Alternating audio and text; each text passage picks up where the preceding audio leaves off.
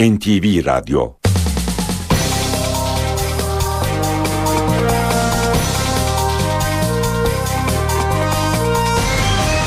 İşe giderken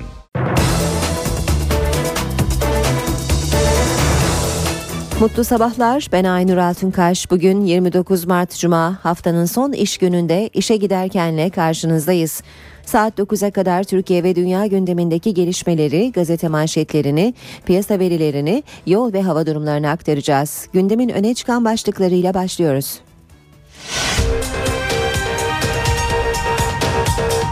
Adalet Bakanı Sadullah Ergin'in barış sürecine yönelik bu suçsa ben bu suçu işliyorum açıklamalarına muhalefetten tepki geldi. CHP savcıları göreve çağırdı. MHP'nin iddiasına göre Öcalan serbest bırakılmak isteniyor.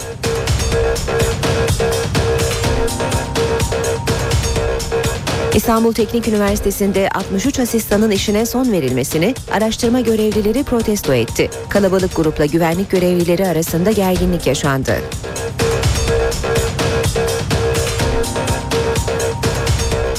9 Eylül Üniversitesi Tıp Fakültesi Hastanesi'nde yakınını kaybeden bir kişi iki asistan doktoru darp etti. Saldırı hastane çalışanları tarafından iş bırakılarak protesto edildi.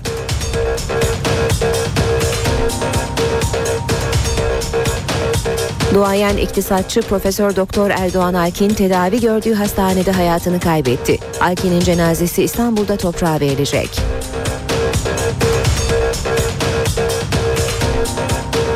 İzmir Ali Ağa'da demirli bulunan iki gemi fırtınada çarpıştı. Yaklaşık 3,5 ton petrol atığı Çandarlı sahiline yayıldı.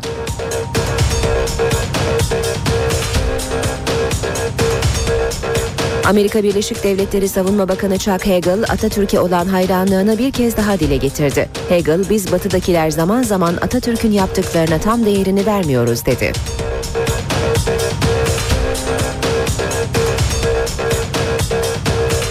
Kuzey Kore lideri ülkesindeki füzelerin Pasifik Okyanusu ve Güney Kore'deki Amerikan hedeflerini vurmak üzere hazır konuma getirilmesini emretti.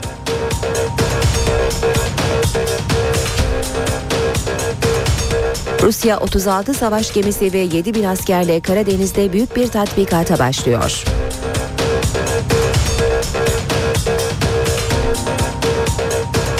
Yeni Papa Paskalya töreninde mahkumların ayağını yıkayıp öptü. Mahkumlar arasında kadınlar ve Müslümanlar da vardı.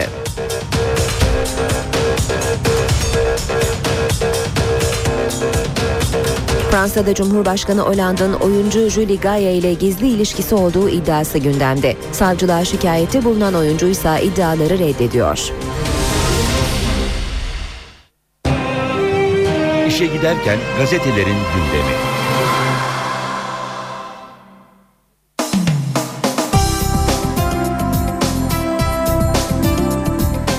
Gündemdeki gelişmelerin gazetelere nasıl yansıdığına bakalım. Sabahla başlayalım. Özel haberi sabahın Kandil ekibinden çekilme zirvesi başlığını taşıyor.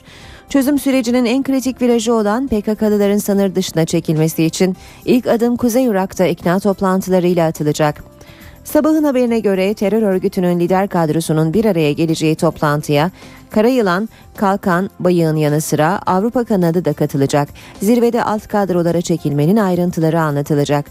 Silahlı gruplara çekilme talimatı telsiz veya telefonla değil yazılı verilecek. Yöneticiler alt grupların olası eylemlerine karşı dikkatli olmaları için uyarılacak. Toplam 5 bölgedeki PKK'lı sorumluların talimat vererek kadrolarını ana kamplarda toplaması planlanıyor. Yol ve güzergahlar da Kandil zirvesinde netleştirilecek diyor Sabah gazetesi haberinde. Devam edelim basın özetlerine NTV Radyo'da işe giderken de. Yeni Şafak gazetesi çözüme Malazgirt modeli demiş 1071 yol göstersin. Çözüm sürecini topluma anlatacak Akil Adamlar Komisyonu için adı geçen İslam alimi Hayrettin Karaman, Türkler ve Kürtlerin Malazgirt'teki tarihi ittifakını adres gösterdi. Karaman, Alparslan Anadolu'yu fethederken İslam kardeşliğini bağ yaptı dedi. Habertürk gazetesi de itiraf Türk ordusunu yenemedik manşetiyle çıkmış. Murat Karayılan tercihi çözümden yana yaptık geri çekilmeye hazırlanıyoruz dedi. PKK'nın Kandil elebaşısı Karayılan Nuçe televizyonuna konuştu. Türk ordusu 30 yıldır bu dağlardan bizi sökemedi. Biz de Türk ordusunu yenemedik. Bu nedenle silah yapması gerekeni yaptı. Bundan sonra silah işlev görmez demek tam olarak doğru olmaz ama biz ateşkes yaptık. Geri çekilme hazırlıklarını yapıyoruz. Karşı tarafında hazırlanması lazım. Elimizi güçlendirmeli demiş Murat Karayılan. Öcalan yeniden yargılanmayacak. Adalet Bakanı Sadullah Ergen'in açıklamalarını görüyoruz. Öcalan dosyası açılmamak üzere kapandı. Avrupa Konseyi de teyit etti. Yeniden yargılama yok. Babalar da ağlamayacak. Başbakan Erdoğan'ın eşi Emine Erdoğan Türkiye'de baba olmak panelinde çözüm sürecine değindi. En az anneler kadar babalar da ağlıyor. Anneler kadar babaların da o gizli gözyaşları dinecektir dedi. Bu panelde e, Cem Yılmaz'ın e, esprilerinin de e, bugün hemen hemen tüm gazetelerde gözümüze çarptığını belirtmeden geçmeyelim. Hürriyet gazetesine bakalım. Annana hayır pahalıya patladı demiş Hürriyet gazetesi. Krizle dibe vuran Kıbrıs Rum kesiminde iktisat hocası doçent Sofronis Kliridis, Annan planına o gün evet deseydik belki bu halde olmazdık diyor. Para dışarı kaçmasın diye kapalı tutulan bankaların 12 gün sonra açıldığı Rum kesimi sokakları. 300 euro e, çekme izni olan Rumlar kuyrukta bankamatikten para çekip şubelerde ödeme yapıyorlar. Adının Marianti olduğunu söyleyen kadın dışarıda okuyan çocuğuna para göndermek için günlerdir beklediğini anlatıyor. Emekli Kostas bankamatik kartı olmadığından zor günler geçirmiş Rum kesiminden izlenimleri görüyoruz. Hürriyet gazetesinde manşette. Devam edelim. En ideal baba benim başlığıyla Türkiye'de baba olmak konferansında bir araya gelen siyasetçiler ve sanatçılar arasında babalığa dair eğlenceli diyaloglar yaşandı. Emine Erdoğan ve Fatma Şahin'den sonra sözü alan Cem Yılmaz, Sayın Bakanım ve hanımefendi o konuşmalarda anlatılan ideal baba benim. Finale de adayım deyince salonda kahkaha sesleri yükseldi diyor Hürriyet gazetesi haberinde. Devam edelim yine hürriyetten aktarmaya. Fransa cinayet için ne yaptı? Meclis Başkanı Cemil Çiçek terör konusunun dış boyutuna değindi. Paris'te 3 PKK'lının öldürülmesi için koskoca Fransız devleti ne yaptı? Hepimiz unuttuk bunu. 2-3 gün tartışması yapıldı ama ortaya ne çıktı? Sanki kapatıldı. Kapatılmamalı. Bu Fransa'nın boynunun borcudur. Bu pisliği ortaya çıkarmak mecburiyetinde e, demiş Meclis Başkanı Cemil Çiçek. Geçelim Milliyet gazetesine. Milliyet'te tüketiciye harç müjdesi başlığı manşette. Tüketici mahkemeleri ve hakem heyetlerinde 400 lirayı bulan dava açma masrafları kaldırılıyor.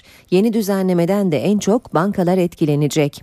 Gümrük ve Ticaret Bakanlığı hazırladığı kanun taslağıyla tüketicilerden dava açarken peşin alınan tebligat, tanık, bilirkişi, keşif gibi masrafları kaldırıyor. Aynı şekilde hakem heyetlerinde alınan dosya masrafları da iptal ediliyor. Pek çok tüketiciyi yargı yoluna gitmekten alıkoyan bu harçların kalkmasıyla dava sayısı sayısında büyük artış bekleniyor.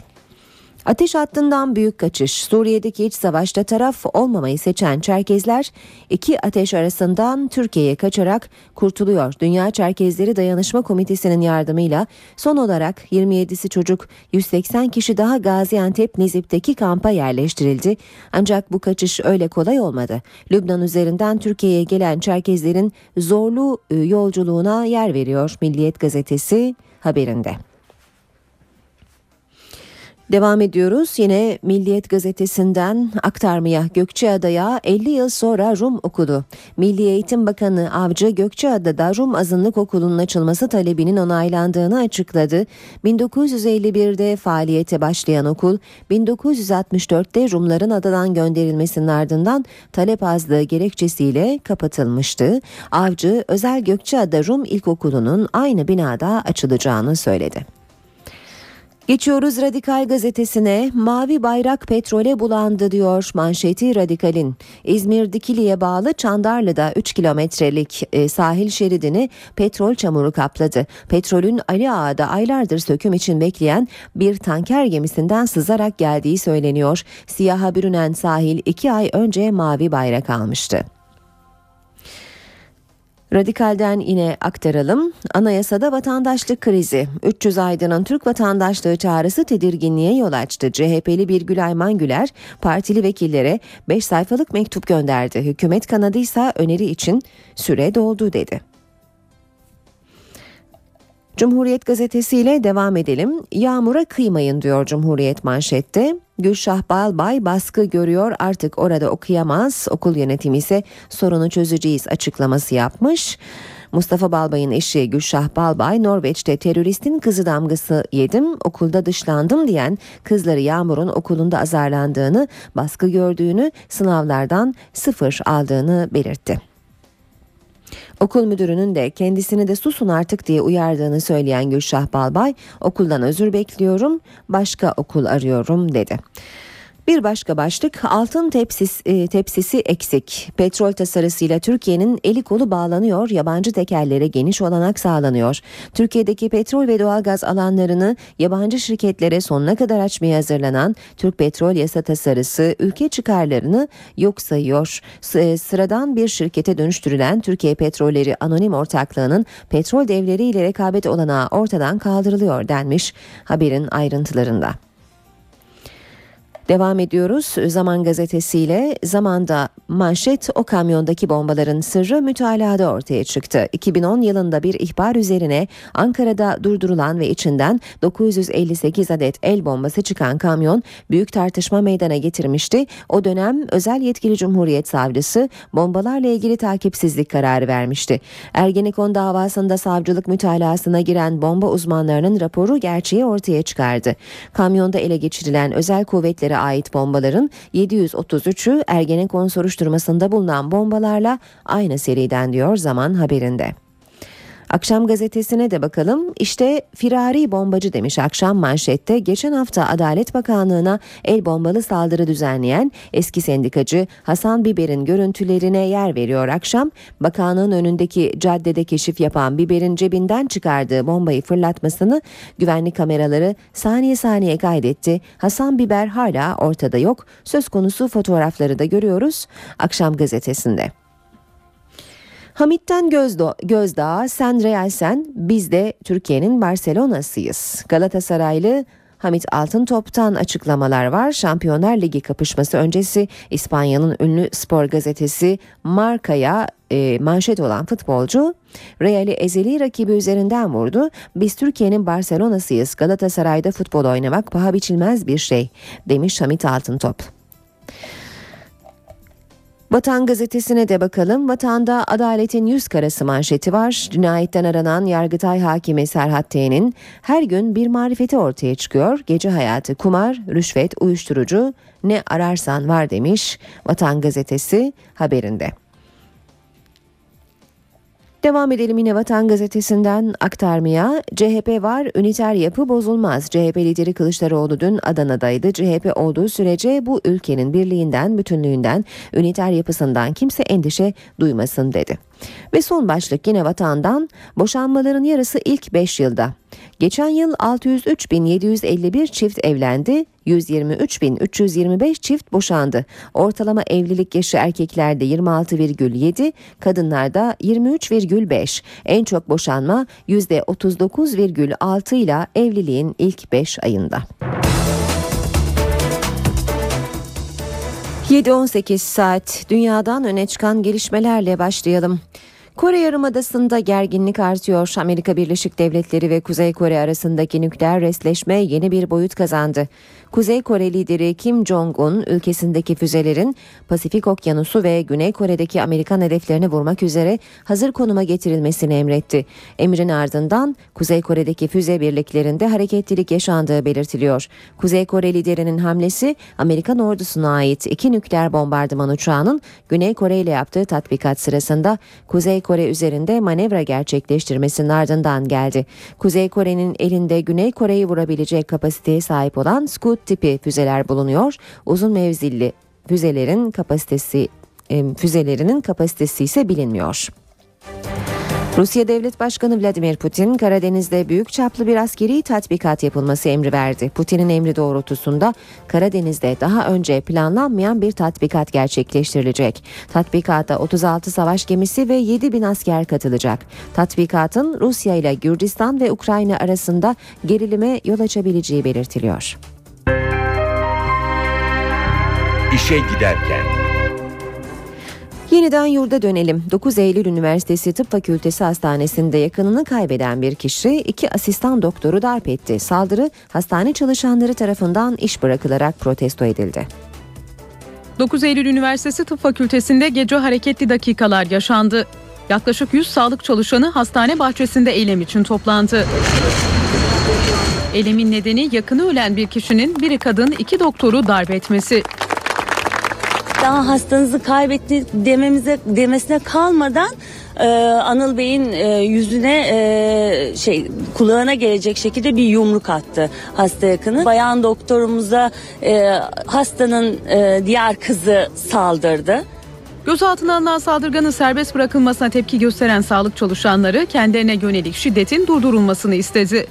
Daha üç gün önce hediyelerle bana geldiler. Allah razı olsun hocam dediler. Annemize nefes verdiniz dediler. Beni de bugün ölümle tehdit ettiler. Size isterdim ki tıp fakültesi kimliğimi göstereyim. Şu an silah ruhsatımı gösteriyorum. 9 Eylül Üniversitesi Tıp Fakültesi Hastanesi çalışanları geniş katılımlı bir eyleme hazırlanıyor. İstanbul Teknik Üniversitesi Maslak kampusunda dün olay çıktı. 63 asistanın işine son verilmesini protesto eden araştırma görevlileri ve öğrenciler rektörlük binasını bastı. Üniversitede eylem yapanlar bu kez sadece öğrenciler değildi. Meslektaşlarının işten çıkarılmasını protesto eden asistanlar rektörlük binasına girmek istedi. Arbede yaşandı.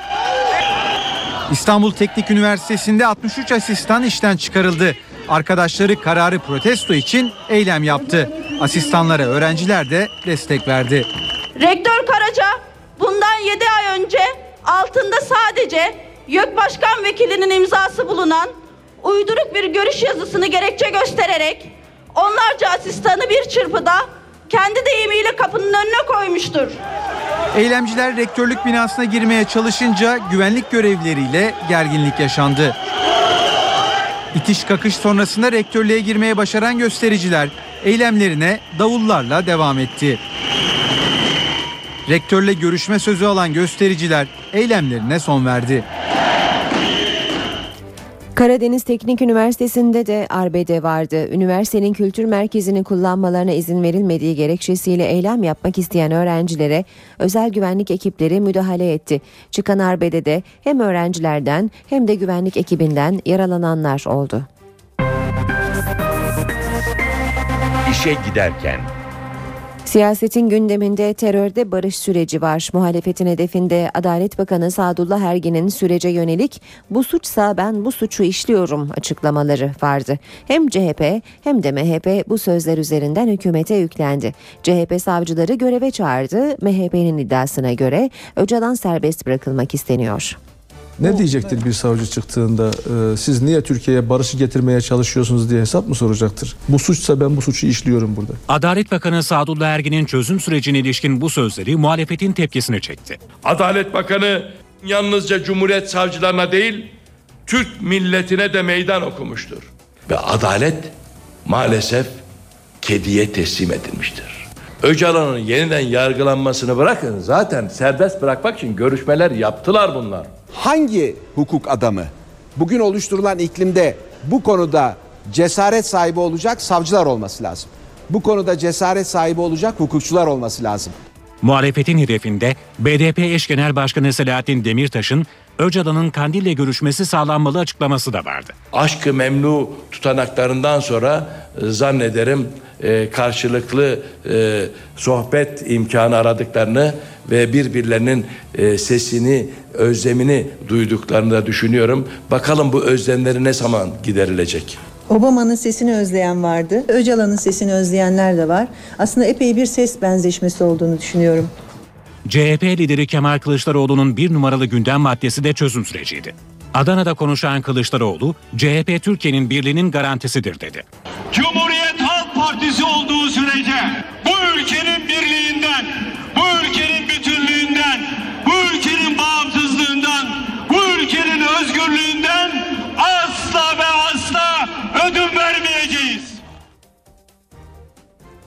CHP ve BDP çözüm sürecinin meclis üzerinden yürütülmesinde ısrar ediyor ancak Meclis Başkanı Cemil Çiçek çözüm süreciyle ilgili muhatabın hükümet olduğunu bir kez daha tekrarladı. Evet bu işin muhatabı hükümettir. Türkiye Büyük Millet Meclisi değildir. Böyle bir komisyon mecliste kurulamaz. Meclis Başkanı Cemil Çiçek bir kez daha muhatap hükümet dedi. Ancak yürütme sırasında ihtiyaç olursa meclise gelinebileceğinin de altını çizdi. Çiçek, çekilme sürecinde yasal düzenleme yapılacak mı tartışmalarına da değindi. Şu an bu süreci yöneten ve bu sürece muhatap olan hükümet benim bir yeni düzenlemeye ihtiyacım yok diyor. Süreci yöneten ve sorumluluğu taşıyan yok diyorsa e, ben illa da vardır diyemem. Daha bu işin başındayız. Yani bu süreç birden fazla e, merhaleden e, geçecek. Meclis Başkanı çözüm sürecini yeni anayasa çalışmalarıyla ilişkilendirmenin doğru olmadığını söyledi. Ancak bu iki konunun birbirinden bağımsız olmadığına da dikkat çekti. Çiçek yeni anayasa yazımında yaşanan sorunları sistem tartışmalarına bağladı. Dışarıda e, tabiri caizse e, gırtlak gırtlağa tartışmalının olduğu bir ortamda e, partileri temsilen olan arkadaşların ortak noktayı bulmadaki zorluğu sizin de takdirinizdedir. Başkanlık sisteminde farklıdır, parlamenter sistemde farklıdır. Bu ikisinin ortası yarı başkanlıksa o biraz daha farklı bir şey. Dolayısıyla bu tartışma sonlanmadığı için yasama organının ortak hükümler dışındaki kısmı yazılamadı, yazılması da mümkün değil. Cemil Çiçek, Uludere raporunun komisyonda kabul edilmesinin son nokta olmadığını da vurguladı. Daha genel kurulda tartışılacak dedi.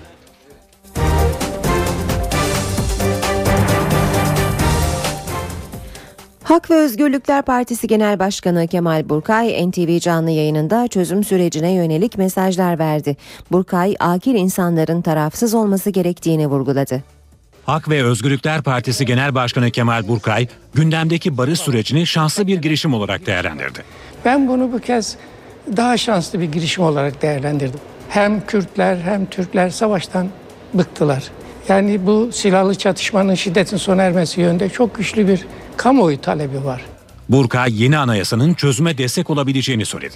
Öyle bir vatandaşlık tarifi yapmalı ki herkesi kucaklasın.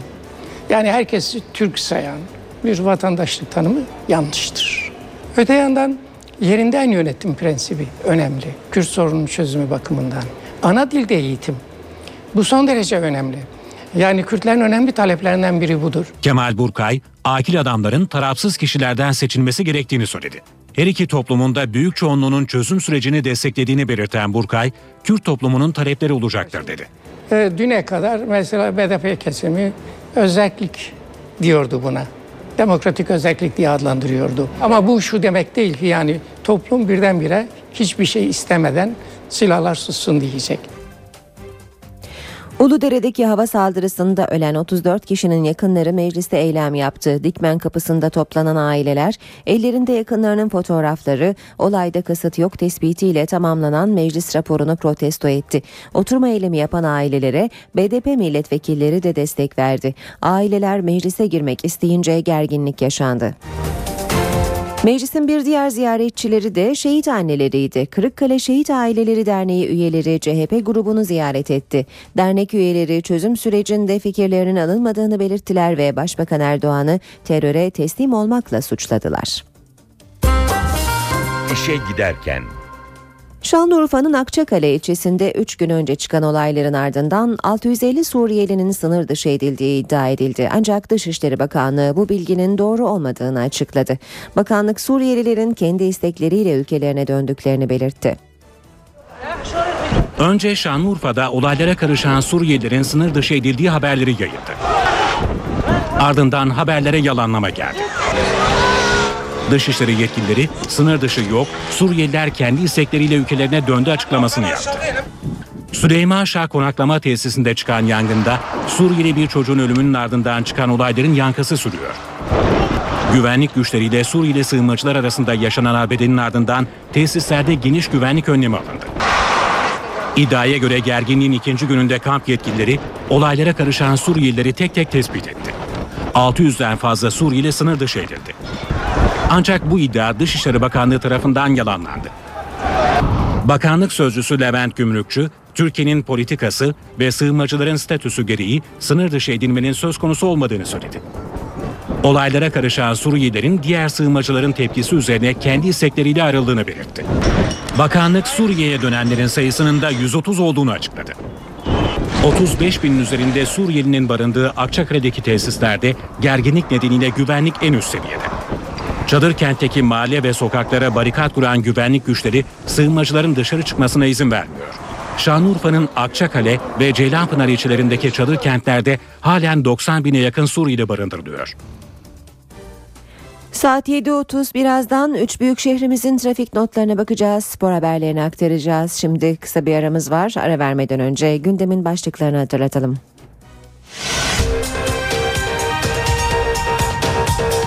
Adalet Bakanı Sadullah Ergin'in barış sürecine yönelik bu suçsa ben bu suçu işliyorum açıklamalarına muhalefetten tepki geldi. CHP savcıları göreve çağırdı. MHP'nin iddiasına göre Öcalan serbest bırakılmak isteniyor.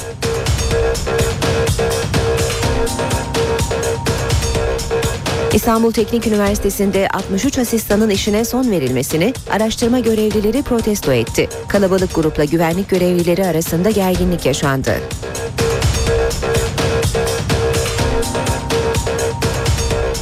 ...9 Eylül Üniversitesi Tıp Fakültesi Hastanesi'nde yakınını kaybeden bir kişi... ...iki asistan doktoru darp etti. Saldırı hastane çalışanları tarafından iş bırakılarak protesto edildi.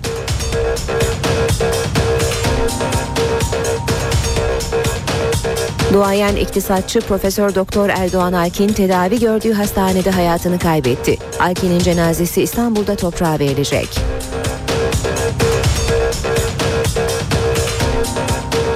İzmir Ali Ağa'da demirli bulunan iki gemi fırtınada çarpıştı. Yaklaşık 3,5 ton petrol atığı Çandarlı sahiline yayıldı.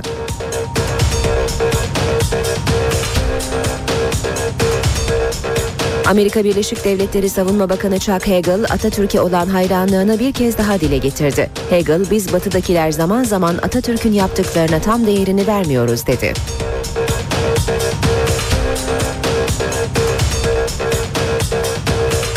Kuzey Kore lideri ülkesindeki füzelerin Pasifik Okyanusu ve Güney Kore'deki Amerikan hedeflerini vurmak üzere hazır konuma getirilmesini emretti.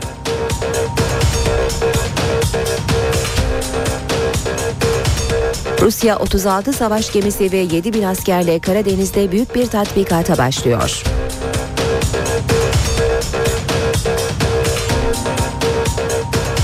Yeni Papa Paskalya töreninde mahkumların ayağını yıkayıp öptü. Mahkumlar arasında kadınlar ve Müslümanlar da vardı.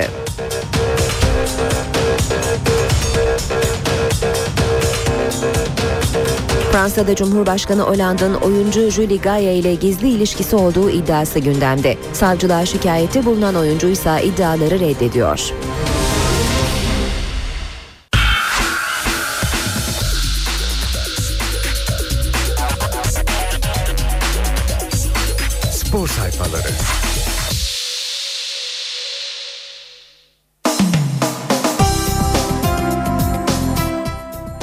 Gazetelerin spor sayfalarından haberlerle devam ediyoruz işe giderkene. Milliyet gazetesiyle başlayalım. Her sonuç mümkün. Mesut Özil e, Milliyet gazetesine Real Madrid Galatasaray eşleşmesini değerlendirerek önemli mesajlar vermiş. Yıldız oyuncu çektikleri Kur'an'ın iyi mi yoksa kötü mü olduğunu maçlardan sonra göreceklerini belirtti. Mourinho bize işimizin kolay olmadığını söyledi. Galatasaray iyi bir dönem geçiriyor ve elinde çok önemli oyuncular var ancak biz bu kupayı çok istiyoruz dedi. Keskin nişancılar UEFA Şampiyonlar Ligi'nde bu sezonun en golcü ikilisi Burak Yılmaz'la Cristiano Ronaldo'yu karşılaştırdı. Çeyrek final eşleşmesinde oynanacak iki karşılaşmada kimin ön plana çıkabileceğini rakamlarla analiz etti. Ne oldu size? Fenerbahçe'nin Hollandalı yıldızı kayıt A milli takımımızın Macaristan ve Romanya'nın gerisinde kalmasına anlam veremediğini söyledi. En fazla Türkiye'den çekiniyorduk. Alınan sonuçlar bizi de çok şaşırtıyor dedi. Alves krizi aşıldı. UEFA lisansı için yoğun çaba harcayan Beşiktaş, Atletico Madrid'le anlaştı. Siyah beyazlılar 1 milyon 550 bin euro bonservis ödemeyi kabul ederek Alves'i İspanyol kulübüne yolladı. Volkan'dan son nokta milli kaleci jübilesini Fenerbahçe'de yapmak istediğini belirtirken son dönemde yediği hatalı goller için elimden geldiğince bunları düzeltmeye çalışıyorum yorumunu yaptı. Yine milliyetten okumaya devam edelim. Efes ateşle oynuyor. Müthiş başladığı top 16'da geçen hafta Zalgiris'e yenilerek liderliği zora sokan Anadolu Efes bu kez de sahasında Malaga'ya kaybetti. İlk iki şansını oldukça azaltırken zirve umudunu tamamen kaybetti. Skor 64-70. Bitsin artık bu çile. Beşiktaş Makabi deplasmanında kabus gibi bir 40 dakika daha oynadı. Bir ara 56 sayı geriye düştüğü maçta hiç varlık gösteremeyen temsilcimiz 13. maçında 12. yenilgisini aldı. Skor 58-101. Puta'nın özlemi Dünya ve Avrupa şampiyonalarında görev alacak ilk kadın basketbol hakemimiz Yalman açıklamalar yapmış Özlem Yalman. Ülkemizde kadınların da hakemlikte üst seviyeye çıkacağını kanıtlayan ve tarihe geçen Özlem Yalman harıl harıl dev organizasyonlara hazırlanıyor. Yalman'ın kariyerinde en büyük beklentisi ise FIBA'nın erkek turnuvalarında düdük çalmak. Milliyet gazetesinin spor sayfalarından aktardık. Geçelim Hürriyet gazetesine. Hürriyet'ten okuyacağımız ilk haberin başlığı Sakatlık raporu krizi. Fenerbahçe'nin milli takımda sakatlanan Salih Uçan öfkesi bitmiyor. Hollanda milli takımı Kayt'ın sağlık ve idman raporlarını Sarı Lacivertli kulübe gönderdi. Fenerbahçe cephesi bunun aynısı ay yıldızlı formayı giyen oyuncularımız için neden yapılmıyor diye isyan etti. 17 milyon euroyu getiren Sov'unu yapar. Fenerbahçe'nin yaptığı en akıllı yatırım golcüsü Musa Sov oldu. Lille'den 10 milyon euroya geldi. Her yıl için ücretinde indirim yapılan anlaşma karşılığı Fenerbahçe Fenerbahçeli oldu. Sözleşmesine 17 milyon euroya serbest kalır maddesi kondu. Başka kulübe giderse 7 milyon euro kar edilecek. Beşiktaş Saracoğlu'nda oynamalı. Yüksel Günay statlarının kapısının ezeli rakiplerine açılması gerektiğini söyledi. Fenerbahçe Divan Kurulu Başkanı siyah beyazlılar Kadıköy'de oynamamız gerekiyor diyorsa onlara izin vermemiz gerek. Taraftar karşı çıkıyormuş zaten taraftar diye diye sporu mahvettik dedi. Devam ediyoruz yine Hürriyet gazetesinden aktarmaya. Bir çim uğruna neler oluyor? Arenanın zemini Real Madrid maçı için geçer not alamazsa ortalık karışacak. UEFA hafta sonu stadı denetlemeye gelecek. Gerekirse Mersin e, maçı başka sahaya alınacak. Galatasaray Türkiye Futbol Federasyonu'na başvurup erteleme de isteyebilir. Liverpool Mustera için Mayıs'ı bekliyor. İngiliz ekibi sezon sonunda 17 milyon euroluk bir teklifle sarı kırmızılı kulübün kapısını çalacak. Galatasaray'a Snyder müjdesi. Hollandalı Yıldız iyileşti. Milli takımında sakatlanan Yıldız futbolcunun kritik karşılaşmalar öncesi oynayacak duruma gelmesi sevinç yarattı. Alo gol atarsam sevinmem demedim. İspanyol gazetesi Marca demecini yanlış yansıtınca Hamit hemen müdahale etti. Eski takımı Real Madrid'e karşı oynayacak. Hamit'in verdiği röportajı kapak yapan gazete gol atarsam nasıl sevinmem sözünü gol atarsam sevinmem diye yazınca Hamit telefona sarılıp hatayı düzeltti deniyor haberde. Borçlar yüzünden uykum kaçıyor. Beşiktaş Kulübü 2. Başkanı Ahmet Nur Çebi zor günleri atlatacaklarını belirterek özel açıklamalarda bulunmuş. Yeni kaynak üretmek için siyah beyazların sermaye artırımına gittiğini belirten Çebi, nakde dayalı sermaye artışımız Beşiktaş'ın borçlarının süratle azalmasına katkı sağlayacaktır dedi. Sabah gazetesinden haberlerle devam ediyoruz. Okuyacağımız ilk başlık. Maçlardaki pozisyonları Mehmet bana sorar. Caner Erkin'in eşi Asena Erkin, Christian'ın eşi Camila, Fenerbahçe yöneticisi Yasemin Merçil ve Ünal Aysal'ın eşi Fani Aysal'dan sonra Mehmet Topal'ın eşi Selda Topal'la da yapılmış röportaj açıklamaları görüyoruz. Sabah gazetesinden e, aktarmaya devam edelim. Kralların düellosu. Burak UEFA'nın Devler Ligi çeyrek finalleri için çıkardığı dergide Ronaldo ile kıyaslandı. Ronaldo, Cristiano e, Ronaldo'nun özellikle şutları ve driplingleri öne çıkıyor e, deniyor. Burak Yılmaz içinse Ronaldo'nun yarısı kadar topla buluşan Burak buna rağmen rakibi kadar gol atmayı başardı. Yorumu yapılmış. Türkiye Futbol Federasyonu'ndan rapor istiyor. Fenerbahçe Kulübü Aykut Kocaman'ı çıldırtan Salih'in şok sakatlığıyla ilgili federasyona yazı gönderip milli takım sağlık heyetinden ayrıntılı rapor isteyecek. İtirafların en güzeli. IOC Denetleme Komisyonu Başkanı Redi İstanbul gezisi için büyüleyici dedi. Redi Başbakan Erdoğan'a memnuniyetini dile getirdi. Komisyon üyeleri tarafsız olmak zorundalar fakat bazen tarafsızlık bir kenara kayabiliyor. İstanbul'da bunu hissettim. Ve son başlık aslan bile yenemez. Bizi aslan bile yenemez. Avrupa Şampiyonası'nda 120 kilonun altın çocukları Kaya Alp ve Akgül'ün açıklamalarını görüyoruz. İkimiz de Avrupa'nın en iyisiyiz. Yaşımız da genç. 12 yıl 120 kiloya ambargo, ambargo koyduk. Kimse heveslenmesin. Spor haberlerini böylece bitiriyoruz. Şimdi trafik notlarına bakacağız. İşe giderken. İstanbul'da cuma sabahı trafiği bakalım e, ne durumda? Köprülerle başlayacağız.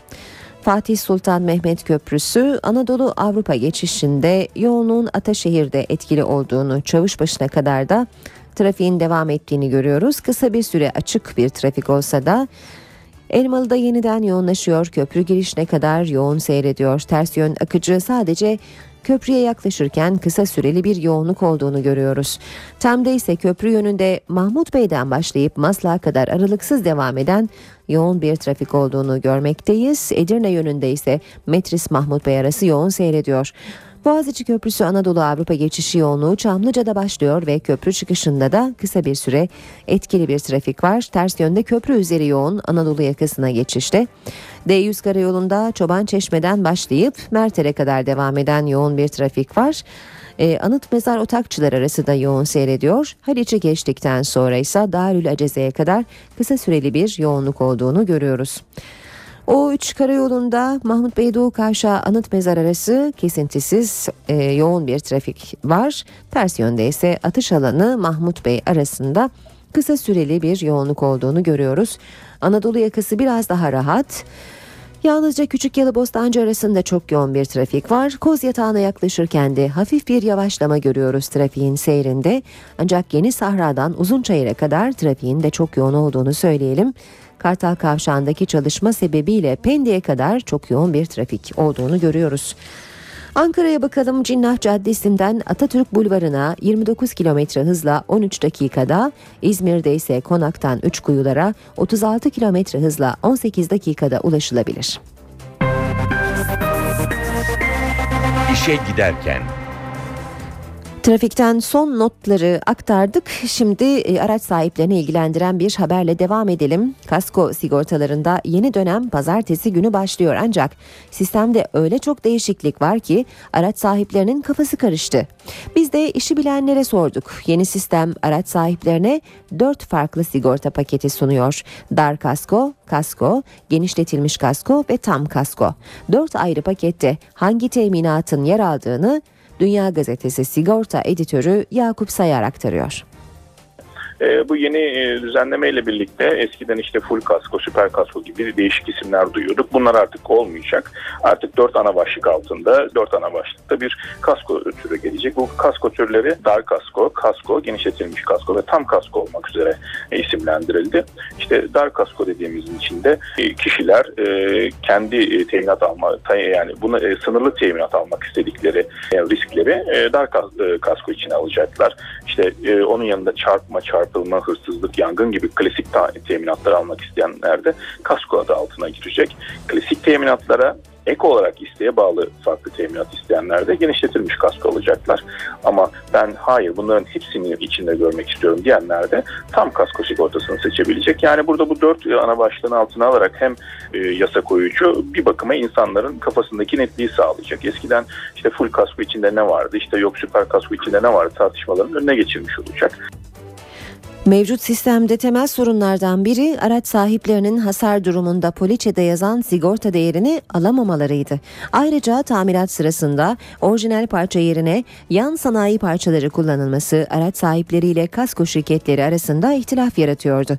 Peki yeni düzenleme bu sorunların giderilmesinde ne gibi yenilikler getiriyor? Aksigorta Genel Müdürü Uğur Gülen'i dinliyoruz. Şimdi ben bunu minik bir örnekle açıklamak istiyorum. Ee, eski uygulamada diyelim ki sıfır bir araç, araç aldınız. Aracın bedeli 40 bin lira. 40 bin liranızı ödediniz. Arabanıza oturdunuz. Arabayı otoplazasından çıkardığınız anda, yola çıkardığınız anda aslında aracın değeri düşmeye başlıyor. Çünkü araç kullanıldıkça artık kullanılmış ikinci el araç statüsüne geçiyor. Varsayalım bu aracınızı kullandınız, kaskosu da var. Hiçbir şey olmadı. Fakat 10. ayın sonunda e, başınıza bir kaza geldi. Ve bu kaza sonucunda aracınız pert oldu. Şimdi sigorta şirketinin görevi ne? Aracı kazadan önceki haline getirmek. O yüzden de sigorta şirketi kullanımı 10 ay olmuş aracı 10. ayındaki o kullanım süresindeki koşullarına geri getirmekten yükümlü. Bunu yapmak için de ne yapıyor sigorta şirketi? Aynı aracın 10 aylık bir aracın piyasadaki değerine bakıyor. Bu araç kaç liradan satılmıştır? Tamam belki sıfırda 40 bin liraya alınmıştı bu araç ama 10. ay sonunda fark ediliyor ki aracın değeri 38 bin liraya düşmüş. Bu durumda da sigorta şirketi sigortalıya 38 bin lira ödüyor. Fakat sigortalı bu noktada poliçenin üzerinde 40 bin lira yazdığı için benim poliçemde 40 bin lira yazıyor. Sigorta şirketi bana 38 bin lira ödedi diyerek sıkıntıya düşüyordu. Şimdi yeni düzenleme bu sıkıntıyı ortadan kaldırıyor. Yeni düzenleme diyor ki artık poliçenin üzerine sigorta bedeli yazılmayacak, raiç bedeli yazılacak. İşe giderken İzmir Ali Ağa'da söküm için demirli bulunan iki gemi fırtınada çarpıştı. Yaklaşık 3,5 ton petrol atığı denize döküldü. Kirlenen Çandarlı sahilinde temizlik çalışması sürüyor.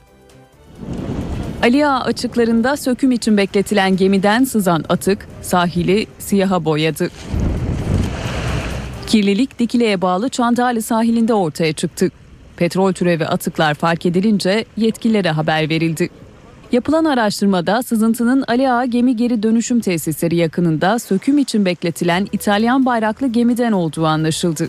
Tankerin geçtiğimiz günlerdeki fırtınada bir gemi çarptığı için tanklarının hasar gördüğü ortaya çıktı. Biz onları belirli bir noktada önüne set gererek yayılmasını önledik. O, o bölgede toplandı atıklarımız. Çandali sahiline yayılan atığın içeriğinin tespiti için deniz suyundan numune alındı. Turizm tesisi ruhsatıyla daha fazla inşaat hakkı alıp konut yapanlar Çevre ve Şehircilik Bakanlığı'nın takibine takıldı. Sahil kesimleri ve İstanbul Boğazı'nı kapsayan düzenlemeyle Ocak ayından bu yana bitmiş binaların tapu işlemleri durduruldu. Daha fazla inşaat hakkı için turizm tesisi ruhsatı ile işe başlayıp inşaat bitince konut olarak satıyorlar. Vergi avantajı da cabası. Çevre ve Şehircilik Bakanlığı özel izinle yapılan rezidanslara dur dedi. İstanbul'da yaşayan herkes bu manzaraya sahip olmak ister ama bu manzaranın bir fiyatı var ve cep yakıyor. İşte bu durum Boğaz'ın eşsiz manzarasını fırsata çevirmek isteyenlerin hep iştahını kabarttı. Turizm imarıyla olması gerekenden daha yüksek binaları inşa edildi. Ama bu binalar amacı dışında kullanıldı ve konut olarak satıldı. Devlet vergi kaybına uğrarken müteahhitler daha fazla kar elde etti. Çevre ve Şehircilik Bakanlığı'nın getirdiği yeni düzenleme ise bu duruma son veriyor. Bundan sonra imar planlarında ne görünüyorsa bu amaca uygun binalar inşa edilecek. Genelge ile birlikte henüz satışı yapılmayan projelerde tapu işlemleri durduruldu. Bankalarda bu projelerdeki konutlar için kredi vermiyor. Tabii ülke olarak biliyorsunuz turizm yatırımlarını teşvik etmek istiyoruz. Turizm yatırımlarını teşvik ederken hem bir takım vergisel avantajlar, inşaat kolaylıkları veriliyor.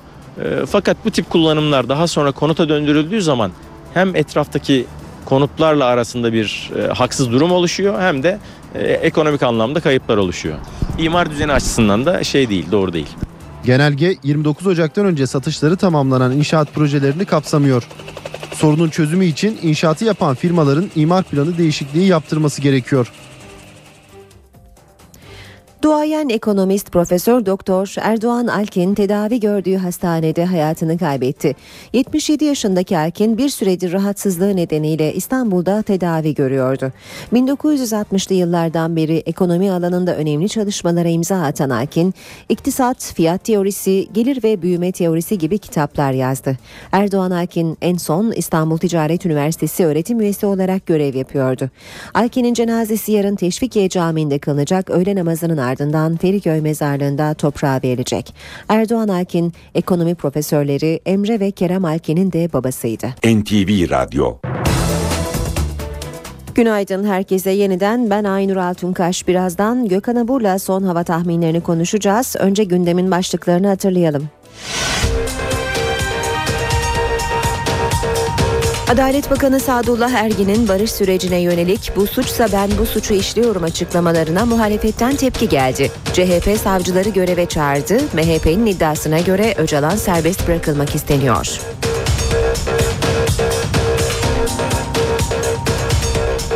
İstanbul Teknik Üniversitesi'nde 63 asistanın işine son verilmesini araştırma görevlileri protesto etti. Kalabalık grupla güvenlik görevlileri arasında gerginlik yaşandı.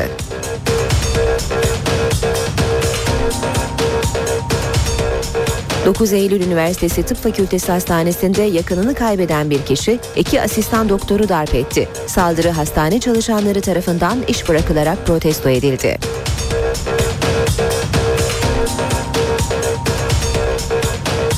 Duayen iktisatçı Profesör Doktor Erdoğan Alkin tedavi gördüğü hastanede hayatını kaybetti. Alkin'in cenazesi İstanbul'da toprağa verilecek.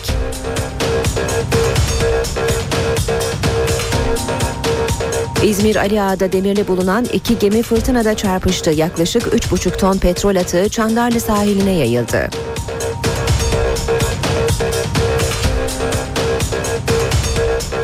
Amerika Birleşik Devletleri Savunma Bakanı Chuck Hagel Atatürk'e olan hayranlığını bir kez daha dile getirdi. Hagel biz batıdakiler zaman zaman Atatürk'ün yaptıklarına tam değerini vermiyoruz dedi.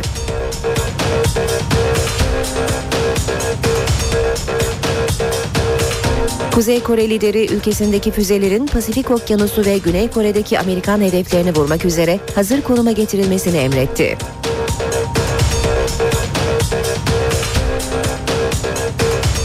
Rusya 36 savaş gemisi ve 7 bin askerle Karadeniz'de büyük bir tatbikata başlıyor.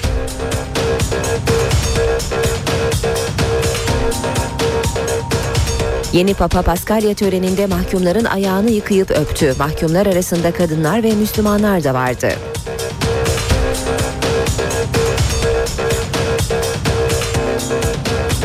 Fransa'da Cumhurbaşkanı Hollande'ın oyuncu Julie Gaye ile gizli ilişkisi olduğu iddiası gündemde. Savcılığa şikayette bulunan oyuncuysa iddiaları reddediyor.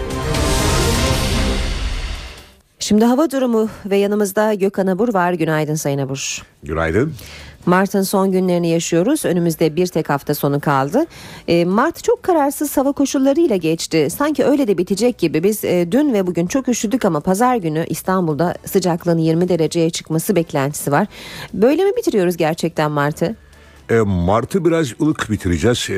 Onu evet bunu öyle söyleyebilirim. Çünkü hakikaten pazar günü sıcaklıklar yükselecek. Tüm ülkede sıcaklıklar yükselecek. Bugün Ege'de yükselmeye başladı. Ege'de yükselmesinin en önemli belirtilerinden bir tanesi sis ve pusun olması. Bodrum'da, Milas'ta, Denizli'de sisli bir hava var. Bu da sıcaklığın yükselmesinin göstergesi diyebilirim. Çünkü orada sıcaklık yükselişi başladı. Yarın hemen hemen batı ve iç kesimlerde yükselmeye devam edecek. Pazar günü ise tüm ülkede e, sıcaklıklar hissedilir derecede yükselecek. Ve Lodos'la birlikte etkili olacak. Ama bugün Batı Karadeniz, Marmara ve Kuzey Ege'de Poyraz var. Poyraz Marmara bölgesi başta olmak üzere bölgedeki sıcaklıkların yükselmesini bugün için engelleyecek. Termometre sıcaklıkları yükselse bile hissedilen sıcaklıkların düşük olması bugün için yine İstanbullular başta olmak üzere Marmara, Batı Karadeniz ve Kuzey Ege'de yaşayanları biraz olsun üşütecek yağış beklemiyoruz. Bugün için iç kesimlerde yağış var. Özellikle ee, Doğu Karadeniz bölgesinde, Artvin'de, Giresun'da, Hopa'da yağış var. Yağmur şeklinde Amasya, Merzifon, yine doğuda Rize, Art, Trabzon arasında yağışlar aralıklarla devam ediyor. Sıcaklıklar yükselmesini sürdürüyor demiştim. Yarın Lodos yurdun büyük çoğunluğuna hakim olacak. Lodos'la birlikte sıcaklıklar yükselmeye devam ederken önemli bir yağış beklemiyoruz. İç kesimlerde çok hafif yerel yağış geçişleri görülebilir. Pazar günü Lodos sıcaklıkları daha da yükseltecek ama beraberinde kararsızlığı getirmeye başlayacak. Yani bu ani yükselişle birlikte özellikle pazar akşam saatlerinde Marmara bölgesinin özellikle Balıkesir, Bursa, Yalova, Kocaeli, İstanbul arasındaki bölgedeki İstanbul'un Boğaz ve e, Anadolu yakasında kısa süreli akşam saatlerinde yağış olasılığı var. Ama asıl yağışlar pazartesi günü gelecek ve bunlar Ege'de, Marmara'da, Batı Akdeniz'de ve yer yer İç Ege'de gök gürültülü sağanaklar şeklinde olacak ki yağışların e, pazartesi günü beklediğimiz yağışların sağanaklar şeklinde ve kuvvetli olmasını bekliyoruz. Salı günü Batıda yağış yok ama çarşamba günü batı bölgeler yeniden yağış tavanın etkisi altına girecek. Önümüzdeki haftayı ılık ama ıslak geçirmeye hazır olun. Nisan Nisan yağmurları diye yağmurlarıyla bahsettiğimiz başlıyoruz Nisan'a, yağışlar değil mi? başlayacak evet. Gökhan Abur teşekkür ediyoruz. Ben teşekkür ediyorum. İşe giderken gazetelerin gündemi.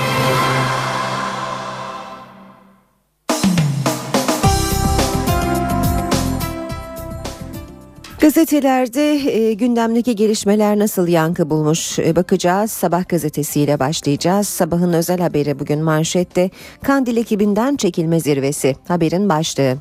Çözüm sürecinin en kritik virajı olan PKK'lıların sınır dışına çekilmesi için ilk adım Kuzey Irak'ta ikna toplantılarıyla atılacak. Terör örgütünün lider kadrosunun bir araya geleceği toplantıya Karayılan, Kalkan, Bayığın yanı sıra Avrupa kanadı da katılacak. Zirvede alt kadrolara çekilmenin ayrıntıları anlatılacak. Silahlı gruplara çekilme talimatı telsiz veya telefonla değil yazılı verilecek. Yöneticiler alt grupların olası eylemlerine karşı dikkatli olmaları için uyarılacak. Habertürk'te de Karayılan'ın açıklamalarını görüyoruz. İtiraf, Türk ordusunu yenemedik haberin başlığı. Karayılan tercihi çözümden yana yaptık, geri çekilmeye hazırlanıyoruz dedi. PKK'nın Kandil elebaşısı Karayılan, Nuçe televizyonda konuştu. Türk ordusu 30 yıldır bu dağlardan bizi sökemedi, biz de Türk ordusunu yenemedik. Bu nedenle silah yapması gerekeni yaptı. Bundan sonra silah işlev görmez demek tam olarak doğru olmaz ama biz ateşkes yaptık, geri çekilme hazırlıklarını yapıyoruz. Karşı tarafın da hazırlanması lazım, elimizi güçlendirmeli demiş Murat Karayılan. Öcalan yeniden e, yargılanmayacak başlığını görüyoruz. Habertürk'te Adalet Bakanı Sadullah Ergin, Öcalan dosyası açılmamak üzere kapandı.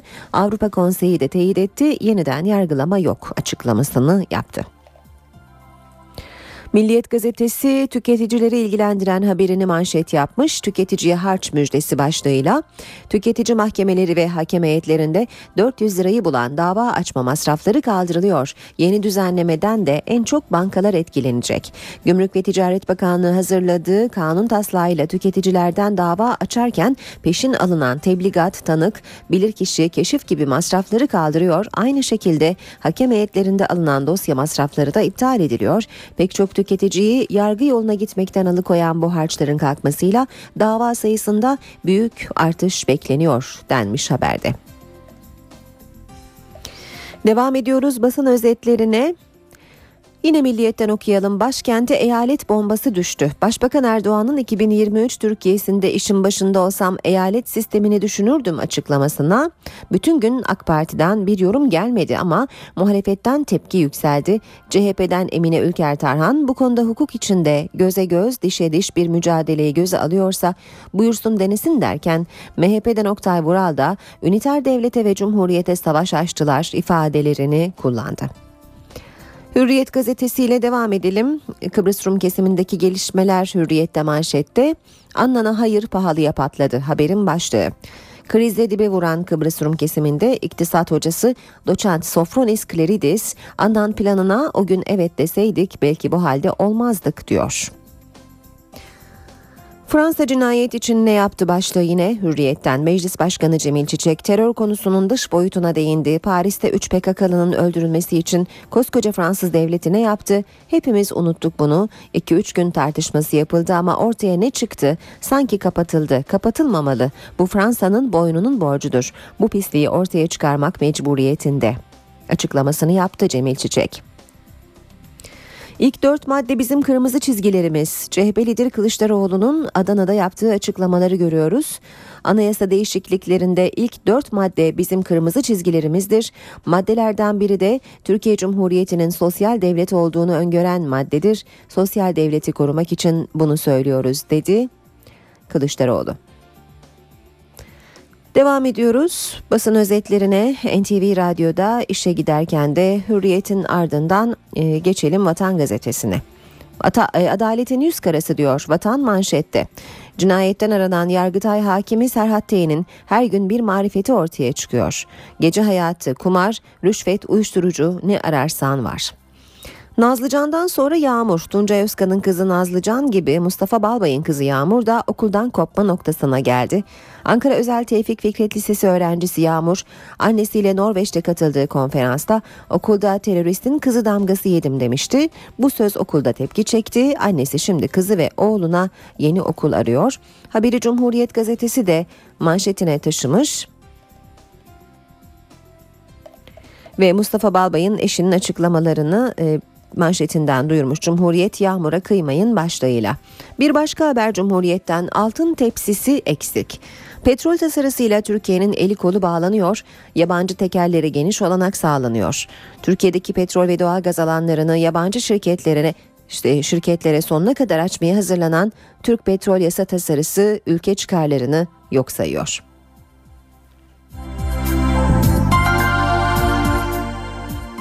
Radikal gazetesiyle devam ediyoruz. Mavi bayrak petrole bulandı demiş Radikal manşetinde. Çandarlı sahilinde çevre felaketi.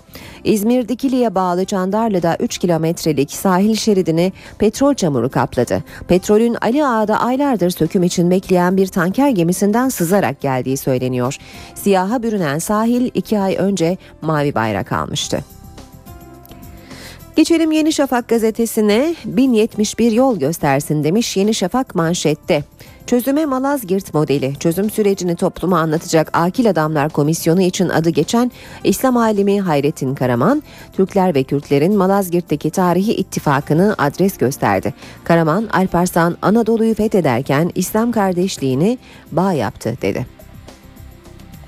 Akşam gazetesinde manşet işte firari bombacı. Geçen hafta Adalet Bakanlığı'na el bombalı saldırı düzenleyen eski sendikacı Hasan Biber'in görüntüleri var. Akşamda bakanlığın önündeki caddede keşif yapan Biber'in cebinden çıkardığı bombayı fırlatmasını güvenlik kameraları saniye saniye kaydetti. Hasan Biber hala ortada yok. Hasan Biber'in fotoğrafını da görüyoruz. El bombasını çıkardığı anı da gösteriyor fotoğraf. Ve zaman, e, zaman gazetesiyle bitireceğiz basın özetlerini. O kamyondaki bombaların sırrı mütalada ortaya çıktı diyor Zaman manşette. 2010 yılında bir ihbar üzerine Ankara'da durdurulan ve içinden 958 adet el bombası çıkan kamyon büyük tartışma meydana getirmişti. O dönem özel yetkili Cumhuriyet Savcısı bombalarla ilgili takipsizlik kararı vermişti. Ergenekon davasında savcılık mütalasına giren bomba uzmanlarının raporu gerçeği ortaya çıkardı. Kamyonda ele geçirilen özel kuvvetlere ait bombaların 733'ü Ergenekon soruşturmasında bulunan bombalarla aynı seriden.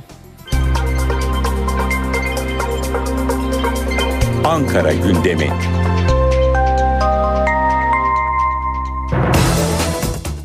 Saat 8.18 başkent gündemiyle işe giderken devam ediyor. Karşımızda NTV muhabiri Miray Aktağ Uluç var. Miray günaydın. Günaydın Aylin.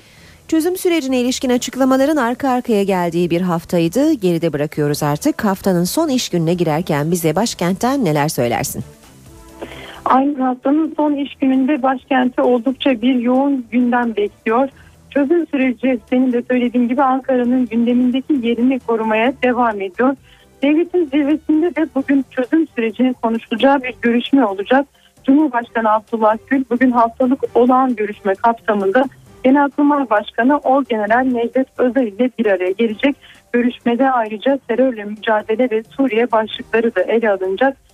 Cumhurbaşkanı Abdullah Gül sonrasında Suriye Türkmenleri platformu üyelerini Çankaya Köşkü'nde kabul edecek. Türkiye Büyük Millet Meclisi'nde de bugün yoğun bir mesainin yaşanacağını söyleyebiliriz. Genel kurulda Cumhuriyet Halk Partisi'nin Dışişleri Bakanı Ahmet Davutoğlu hakkında verdiği gen soru önergesi görüşülecek. Cumhuriyet Halk Partisi geçen hafta Türkiye ile Irak bölgesel Kürt yönetimi arasında imzalandığı belirtilen yeni petrol boru hattı anlaşması ile ilgili olarak Dışişleri Bakanı Ahmet Davutoğlu hakkında gen soru önergesi vermişti. Gen soru önergesinin görüşülüp görüşülmeyeceği de bugün Meclis Genel Kurulu'nda oylanacak. Meclis Adalet Komisyonu'nda ise dördüncü yargı paketinin görüşmelerine devam edilecek. Dün yapılan görüşmelerde geneli üzerindeki görüşmeler tamamlanmış ve bugün maddelere geçileceği belirtilmişti. Başkent Ankara'nın bugün yabancı bir konuğu da var. Fransa Savunma Bakanı Ankara'ya geliyor. Fransız Bakan bugün Savunma Bakanı İsmet Yılmaz'la bir araya gelecek.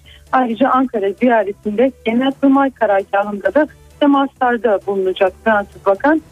Fransız Bakan'ın temaslarında ana gündem maddesi Suriye olacak. Ziyaret kapsamında Fransız-İtalyan ortaklığının da yer aldığı uzun menzilli füze savunma sistemi ihalesinin de gündeme gelmesini bekliyoruz. Bakanların da programları var. Bugün Başbakan Yardımcısı Bülent Arınç ve Avrupa Birliği Bakanı Egemen Bağış, Güneydoğu Avrupa Yerel Yönetim Birlikleri ağ tarafından düzenlenen Avrupa Birliği krizine karşı Sosyal Belediyecilik Sempozyumu'nun açılışına katılacak ve başkentin bugün son gündem maddesi de ekonomi cephesinden olacak. Türkiye İstatistik Kurumu Şubat ayına ilişkin dış ticaret istatistiklerini açıklayacak ve bizler de gün boyunca bu başlıkları başkent Ankara'dan sizlere aktaracağız Aynur. Bir ayak daha Uluç teşekkür ediyoruz. Kolay gelsin. İşe giderken. İstanbul, Ankara ve İzmir'in trafik notlarına bakacağız. İstanbul'da O3'te Hal Bayrampaşa yönünde meydana gelen maddi hasarlı trafik kazası sebebiyle bir şerit trafiğe kapalı. Bölgede trafik artıyor. Unkapanı Köprüsü Şişhane istikametinde bir araç arızası var. Bölgede bu sebeple yoğunluk artıyor. Yine e, bir araç arızası var.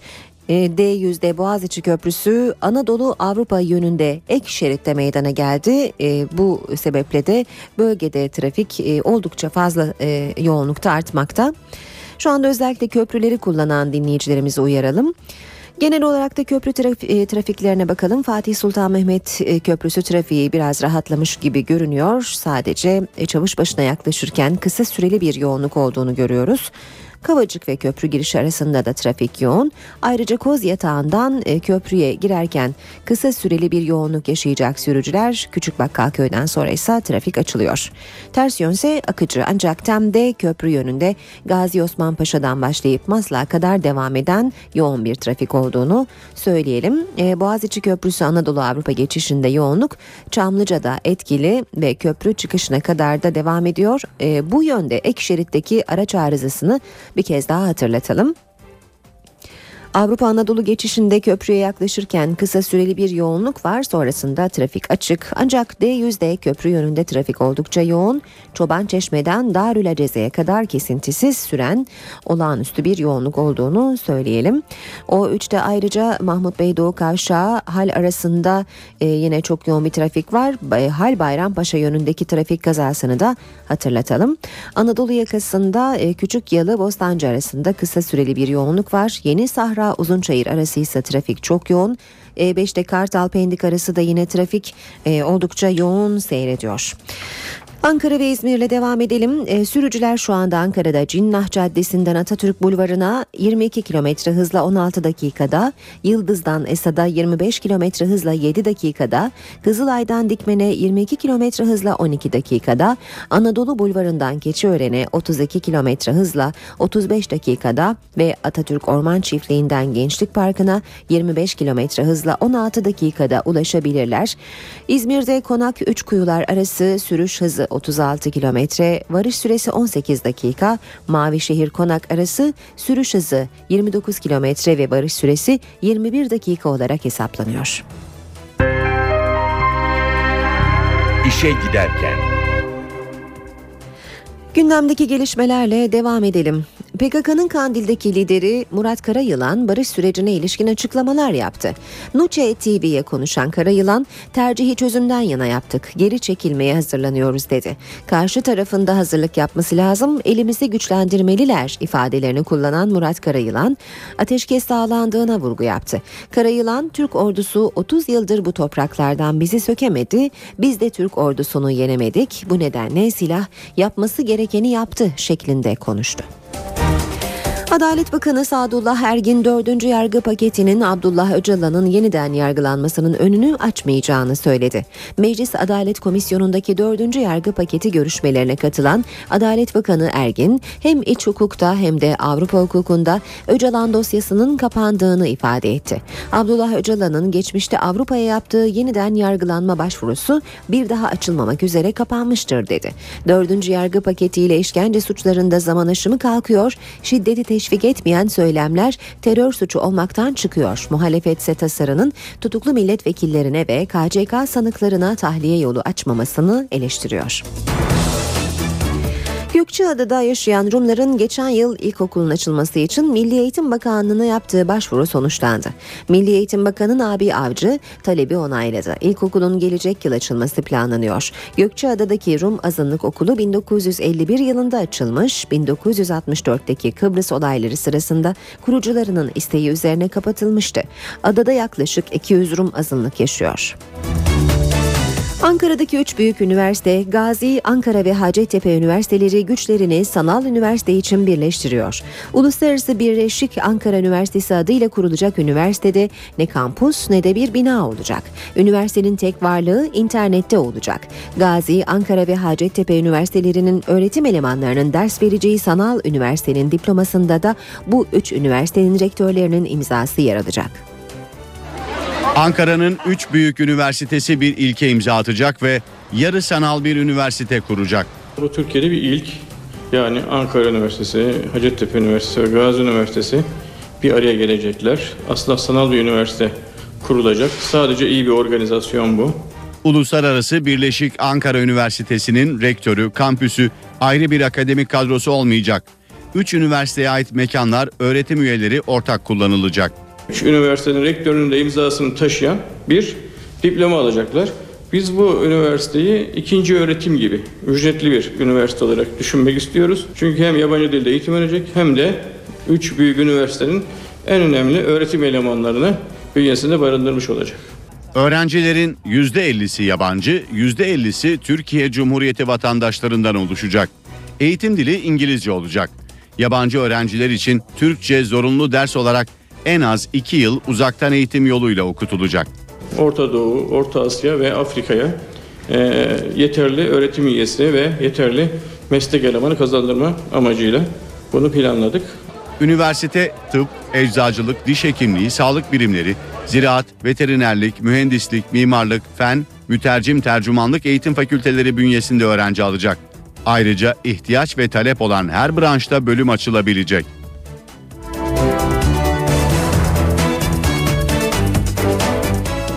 Alkollü içki, sigara ve tütün ürünleri satan 170 binden fazla iş yerinin ruhsatı yenileniyor. Bu işlem için son gün 1 Nisan.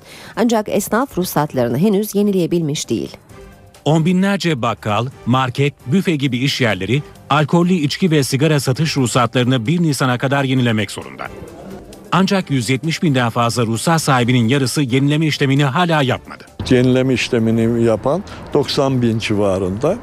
Esnaf bürokrasiden şikayetçi.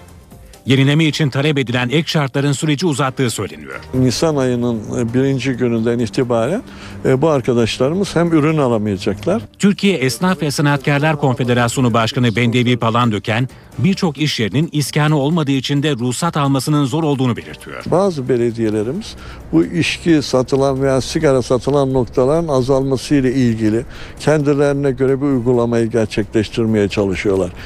Tütün ve Alkol Piyasası Düzenleme Kurumu ruhsat yenileme süresini uzatmadı. TESK işlemlerin tamamlanabilmesi için başvuruların yapıldığı esnaf odalarının hafta sonunda çalışmasına kararlaştırdı. İMKB 100 endeksi kredi derecelendirme kuruluşu S&P'nin not artırımından aldığı destekle yükselişini devam ettirdi ve endeks günü 1058 puan yükselişle 85.253 puandan tamamladı. Hisse senetleri ortalama %1,26 oranında değer kazandı. Bu sabah dolar 1.81, euro 2.32'den işlem görüyor serbest piyasada.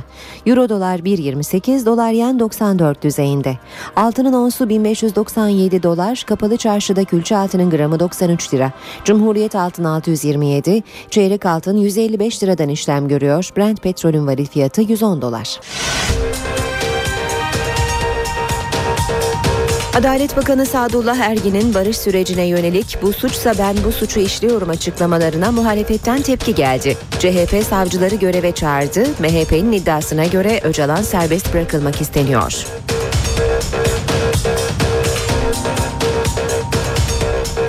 İstanbul Teknik Üniversitesi'nde 63 asistanın işine son verilmesini araştırma görevlileri protesto etti. Kalabalık grupla güvenlik görevlileri arasında gerginlik yaşandı.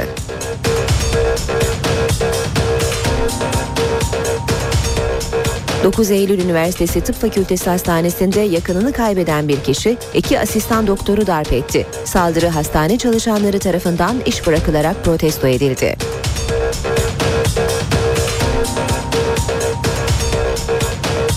Duayen iktisatçı Profesör Doktor Erdoğan Alkin tedavi gördüğü hastanede hayatını kaybetti. Alkin'in cenazesi İstanbul'da toprağa verilecek.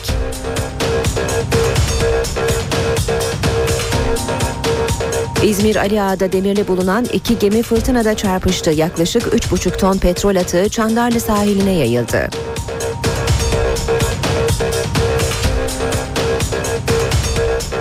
Amerika Birleşik Devletleri Savunma Bakanı Chuck Hagel, Atatürk'e olan hayranlığını bir kez daha dile getirdi. Hagel, biz batıdakiler zaman zaman Atatürk'ün yaptıklarına tam değerini vermiyoruz dedi.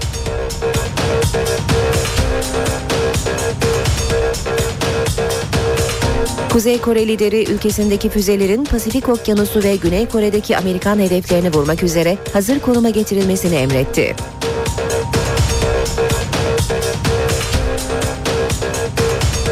Rusya 36 savaş gemisi ve 7 bin askerle Karadeniz'de büyük bir tatbikata başlıyor.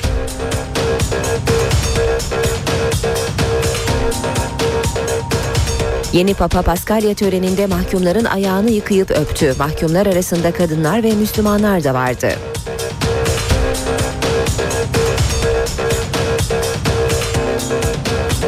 Fransa'da Cumhurbaşkanı Hollande'ın oyuncu Julie Gaye ile gizli ilişkisi olduğu iddiası gündemde. Savcılığa şikayeti bulunan oyuncuysa iddiaları reddediyor. Saat 8.37 işe giderken gündemde öne çıkan gelişmelerle devam ediyor. Amerika Birleşik Devletleri'nin yeni savunma bakanı Chuck Hagel Atatürk'e olan hayranlığını bir kez daha dile getirdi. Hagel, biz batıdakiler zaman zaman Atatürk'ün yaptıklarına tam değerini vermiyoruz diye konuştu.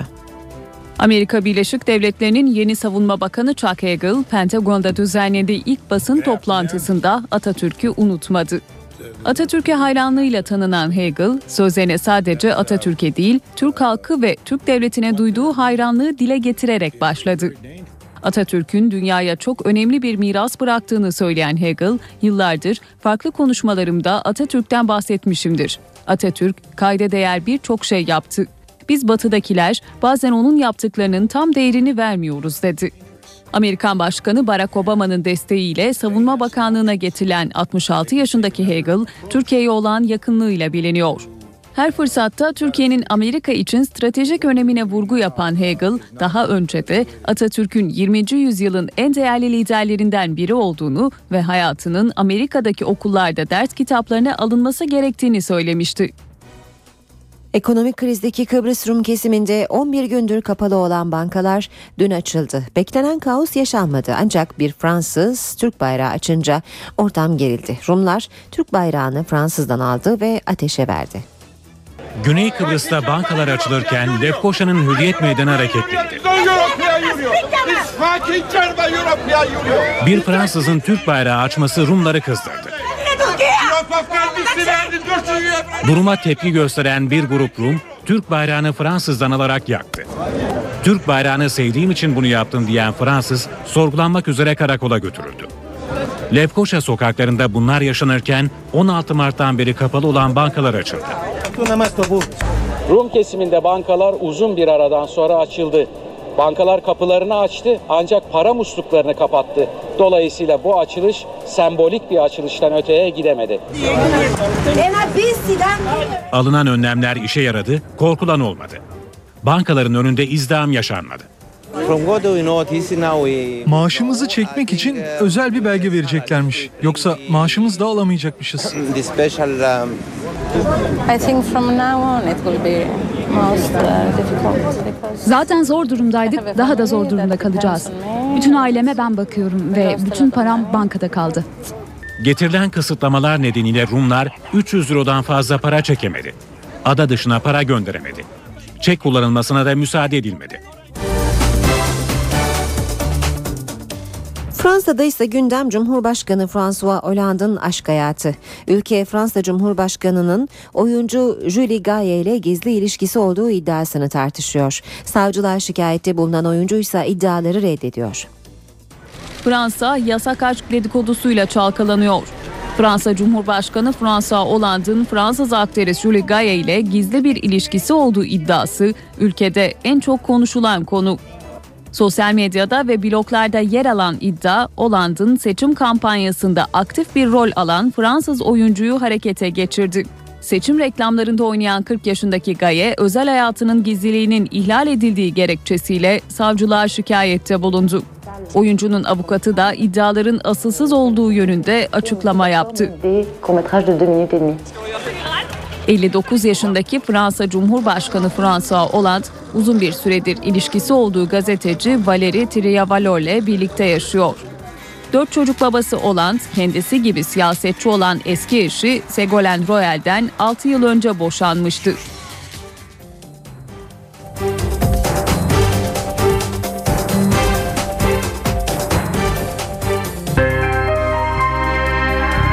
İşe giderken. Yeni Papa Vatikan'ı halka yaklaştırmak için güçlü bir mesaj gönderdi. Papa Francis, Paskalya için düzenlenen bir törende mahkumların ayağını yıkayıp öptü. Mahkumlar arasında kadınlar ve Müslümanlar da vardı. 12 mahkumun ayaklarını yıkayıp öptü. Paskalya öncesi düzenlenen Kutsal Perşembe töreni bu kez Vatikan'da değil Roma'da bir cezaevinde düzenlendi. Töreni bizzat Papa Francis gerçekleştirdi.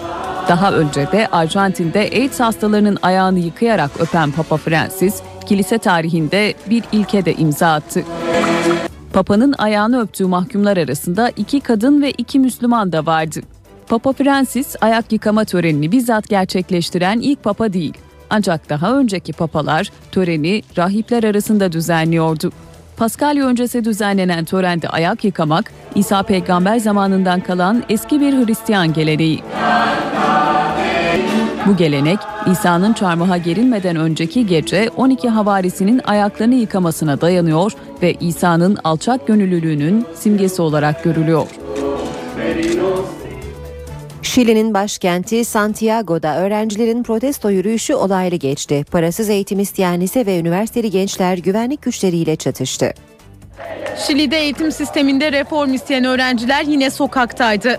Başkent Santiago'da yürüyüş düzenleyen lise ve üniversite öğrencileri hükümeti taleplerine kulak tıkamakla suçladı. Bu yürüyüşün sebebi sorunun köklerde olduğunu düşünmemiz. Bu sistemi kökünden değiştirmediğimiz sürece okullar kapanmaya devam edecek. Sakin başlayan yürüyüş bir süre sonra öğrenciler ve güvenlik güçleri arasında çatışmaya dönüştü.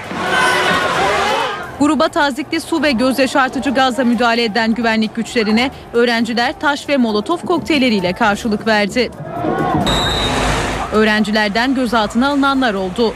Şilili öğrenciler parasız ve kaliteli eğitim talebiyle yaklaşık iki yıldır gösteri düzenliyor.